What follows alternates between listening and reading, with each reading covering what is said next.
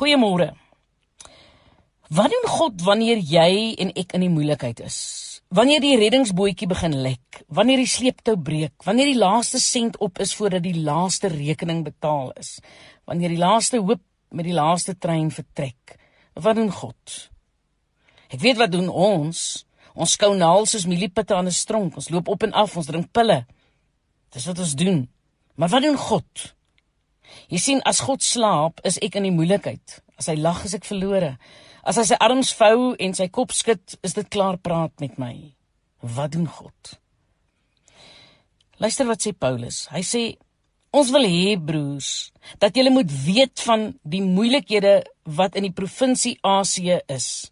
Die swaar wat ons moes verduur. Dit het ver bo ons kragte gegaan sodat ons selfs die hoop om te bly lewe laat vaar het. Korintiërs 1 vers 8. Hoor wat sê hy verder 2 Korintiërs 4 8 en 9. In alles word ons verdruk, maar ons is nie te neergedruk nie. Ons is oor raad verleë maar nie radeloos nie. Ons word vervolg maar nie deur God verlaat nie. Op die grond neergegooi maar nie vernietig nie. 2 Korintiërs 6 4 tot 5. Maar in alles laat ons ons ken as dienaars van God. Dit doen ons met baie geduld in verdrukking, ontbering en nood. Ons is geslaan in die tronk gegooi en het in oproere beland. Ons het swaar getrek, man, nagte sonder slaap deurgemaak en ons het honger gely. 2 Korintiërs 12:10 Daarom is ek bly oor swakhede, beledigings, ontberings, vervolging en moeilikhede ter wille van Christus, want as ek swak is, is ek sterk. Ek het vanmôre gedink as ek nou 'n joernalis was en ek moes met Moses 'n gesprek hê, hoe sou daai gesprek gegaan het? Kom ek deel dit gou met jou. Ek is 'n joernalis. Vertel ons van jou konflik met die Egiptenare Moses. Hoe die Egiptenare, groot mense, sterk vegters, so laag so slange. Maar julle het weggekom nie voordat ons weggespoel het nie. Jy praat nou van die rooi see kragmeting. Jy's reg. Dit was skrikwekkend. Vertel ons wat gebeur het. Wel, die Rooi See was aan die een kant en die Egiptenare aan die ander kant.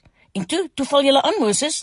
Is jy laf met 'n half miljoen klipkappers? Nee man, my mense was te bang. Hulle wou terug gaan Egipte toe. En toe, wat doen jy toe? Beveel jy aan om terug te val? Waarheen man? In die seewater in. Ons het nie 'n boot gehad nie. Ons kon nêrens heen gaan nie. Wat wat het julle leiers gesê Moses? Ek het hulle nie gevra nie, daar was nie tyd nie. Wat doen jy toe, Moses? Ek het die volk beveel om stil te staan. Bedoel jy terwyl die vyand aan die kom was, het jy hulle vraggies beveel om nie te beweeg nie? Ja, ek het vir die volk gesê, staan vas. Kyk hoe die Here julle vandag gaan red. Waarom sou jy wou hulle moes stil staan? Om uit God se pad uit te bly natuurlik. As jy nie weet wat om te doen nie, is dit die beste om net stil te staan totdat hy sy ding doen. Wat dink julle? Wat doen God wanneer ek en jy in die moeilikheid is? Die vraag kan met een woord beantwoord word. God veg. Hy veg vir ons. Hy klim in die kruit. Hy stuur ons na die hoek toe en neem oor. Bly jy maar net kalm. Want die Here sal vir jou veg. Eksodus 14 vers 14. Dit is sy taak om te veg. Dit is ons taak om te vertrou. Net vertrou. Nie die pad probeer aanwys of bevraagteken nie, nie die stuurwiel uit sy hande ruk nie. Dit is ons taak om te bid en te wag. Niks meer word vereis nie. Niks meer is nodig nie. Is dit nie wonderlik nie? Net hy is my rots en my redding, my veilige vesting sodat ek stewig kan staan, sê Dawid in Psalm 62 vers 7. Daar is geen vergelyking wanneer ons ons eie vermoëns teen God se opweeg nie, man. Daar is nie 'n vergelyking nie. Wie van die gode is soos U, Here? Wie is soos U? So hoog geëer en heilig.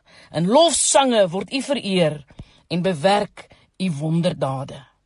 Die Here is God, die Here is koning, die Here is in beheer en hy veg vir jou.